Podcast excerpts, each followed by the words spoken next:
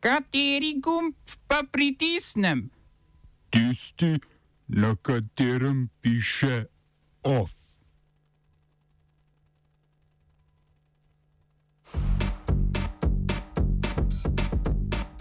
Egipt kupuje nove francoske lovce. V Indiji ustavljajo prvenstvo v kriketu. Biden sprošča omejitve glede sprejema beguncev. Občina Ankaran ponovno dobila negativno oceno računskega sodišča.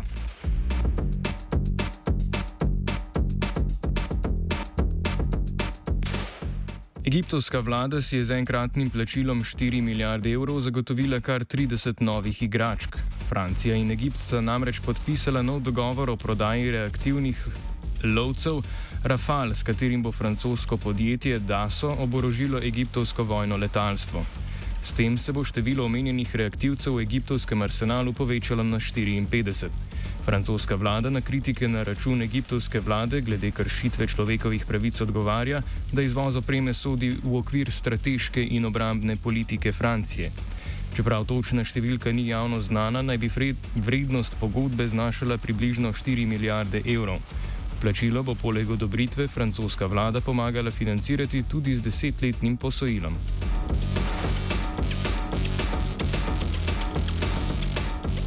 V Indiji pa se na mesto z orožjem spopadajo z izbruhom koronavirusa. Na resnost izbruha kaže dejstvo, da so zaradi zajezitve koronavirusa ustavili celo državno prvenstvo v kriketu. Skupno število primerov v državi se je sicer povzpelo že na 20 milijonov, polovico katerih so zabeležili v zadnjih treh mesecih. Ob vsem tem strokovnjake skrbi, da v določenih predeljih države zdravstveni sistem ne more učinkovito beležiti števila primerov, zato je resnična številka verjetno še bistveno višja. Mnogi za izbruh krivijo vlado, ki jo vodi Narendra Modi, saj naj ta ne bi upoštevala priporočil stroke in bistveno prehitro sprostila ukrepe.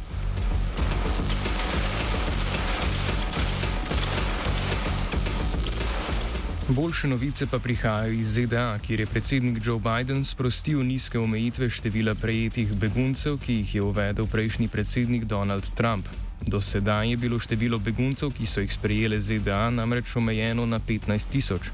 Biden je to omejitev zdaj dvignil na 62 tisoč in napovedal, da bo zvezdna vlada razmislila o dodatnih sprostitvah. Joe je sicer sprostitev omenjene kvote napovedal že takoj po volitvah, a naj bi po poročanju notranjih virov pri tem nekoliko okleval zaradi povečanja prehoda južne meje z Mehiko. To odlašanje je močno ujezilo organizacije za pravice beguncev in nekatere demokratske politike, ki so pritiskali na predsednika in ga očitno prisilili, da le sprejme omenjeno odločitev.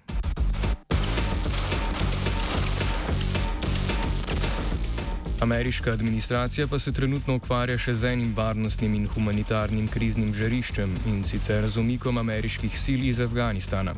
Čeprav američani zadane naloge, umika vseh vojakov iz države do 1. maja, letos ne bodo izpolnili, so talibi v zadnjih 24 urah že sprožili več ofenziv na oslabljene državne postojanke. Po poročanju predstavnikov afganistanske vlade je vojski uspelo zajeziti ofenzivo in večino upornikov potisniti na prejšnje položaje, a jasno je, da bodo ob postopnem umikanju ameriških sil ti napadi še močnejši. Težko si je predstavljati, da bodo vladne sile brez izdatne mednarodne pomoči lahko preprečile ponovno prezem oblasti talibov, ki so jih pred več kot 20 leti zrušile sile mednarodne koalicije pod ameriškim vodstvom. Oba, če, če bom odgovoril na angliški. Slovenija bo poskušala pomagati. Slovenija bo naredila svoj utmost, da bo rekla, da je situacija naš problem, ourselves. In da bomo naredili nadaljnje korake, as soon as the conditions are. Bomo vlado Marjana Cererja Šarca podprli. Very, very serious. News from Slovenija. We know how and we will. Po podatkih Banke Slovenije se je v zadnjem letu drastično povečala količina prihrankov slovenskih gospodinstv. Vrednost prihrankov gospodinstv na bankah se je prvič dvignila nad 23 milijard evrov, torej za več kot 2 milijardi v primerjavi z lani. V Banki Slovenije tako ugotavljajo, da je vlada z nekaterimi ukrepi sicer pomagala ohraniti prihodke gospodinstv, a so se ti ob strogih ukrepih večinoma stekali v prihranke na mesto v potrošnjo. Ob tem napovedujejo, da se bo potrošnja v prihodnih mesecih ob nadaljevanju sproščanja ukrepov povečala, s čimer bo pripomogla k ponovnemu zagonu gospodarstva.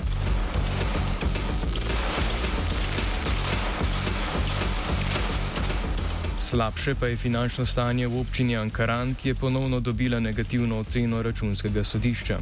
Nepravilnosti so revizori odkrili na več področjih, naprimer v pomankljivi pripravi proračunskih dokumentov, nepravilnostih pri razporejanju sredstev in nepravilnostih pri prevzemanju obveznosti. Hkrati so odkrili tudi nepopolne evidence nepremičninskega premoženja občine in neobstoj načrta za razpolaganje z njimi.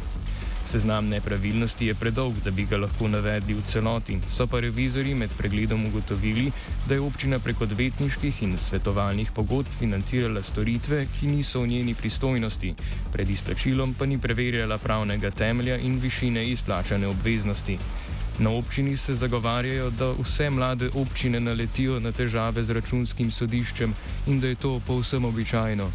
Računsko sodišče je v občini naročilo oddajo popravnega poročila, v katerem morajo dokazati odpravo najdenih napak in ta del dodajamo v redakciji, da so odrasli.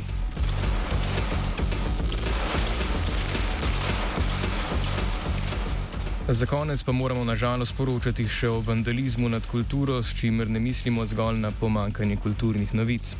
Po noči je namreč nekdo požgal umetniško delo Katarine Cibulke, ene izmed umetnic, ki se trenutno predstavljajo na razstavi v mestni galeriji Ljubljana. Delo, ki je bilo razstavljeno na pročelju palače Cukrarna, so navdahnila vprašanja feminizma, predvsem pa iskanje socialne pravičnosti. Naslov dela je Zolange, kar v nemščini pomeni dokler, osrednje sporočilo na njem, napisano na njem, pa je bilo Dokler bo upanje, ki ga širimo, močnejše od strahu, s katerim se soočamo, bom feministka.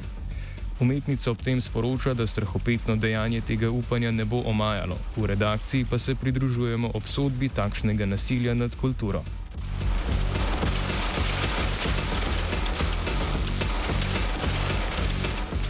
Office pod Perisa, Koruze. Poslušate radio študent.